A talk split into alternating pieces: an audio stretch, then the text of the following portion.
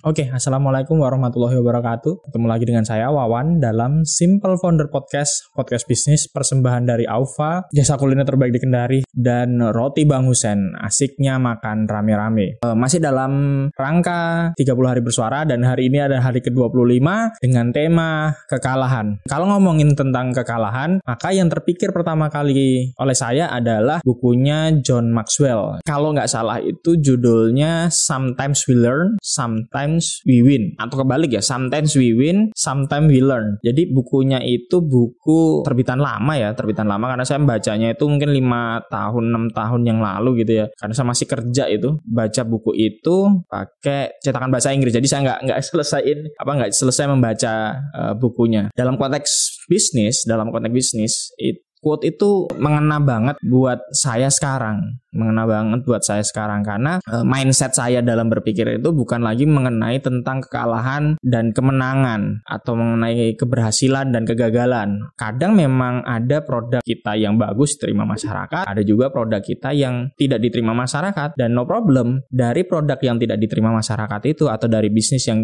dibuka dan gagal itu ada banyak pelajaran yang bisa diambil dari situ supaya apa? Supaya kita tidak mengulangi kesalahan itu lagi, tidak mengulangi kesalahan yang sama, maksud saya. Akhirnya, kalau kita menggunakan quote sederhana tadi, itu kita akan menjadi suatu individu atau kalau skopnya bisnis akan menjadi suatu bisnis yang akan terus berkembang. Namun setidaknya mindset berpikir itu harus disertai dengan keridoan kita. Kita mengizinkan diri kita untuk gagal. Karena ya gagal itu nggak apa-apa. Gagal itu adalah bagian dari proses pembelajaran. Anak bayi nggak langsung pinter jalan kan jatuh-jatuh kan atau ketika dulu kita belajar naik sepeda kan nggak langsung juga pinter mengayuh dan jalannya tegak kan ada jatuh-jatuhnya juga. Jadi ya kalau kegagalan itu membuat kita berhenti maka gagalnya itu yang sebenarnya gagal itu bukan dari kejadian gagalnya tapi di saat kita berhenti. Oke terima kasih sudah mendengarkan podcast kali ini. Wabillahi taufiq walhidayah wassalamualaikum warahmatullahi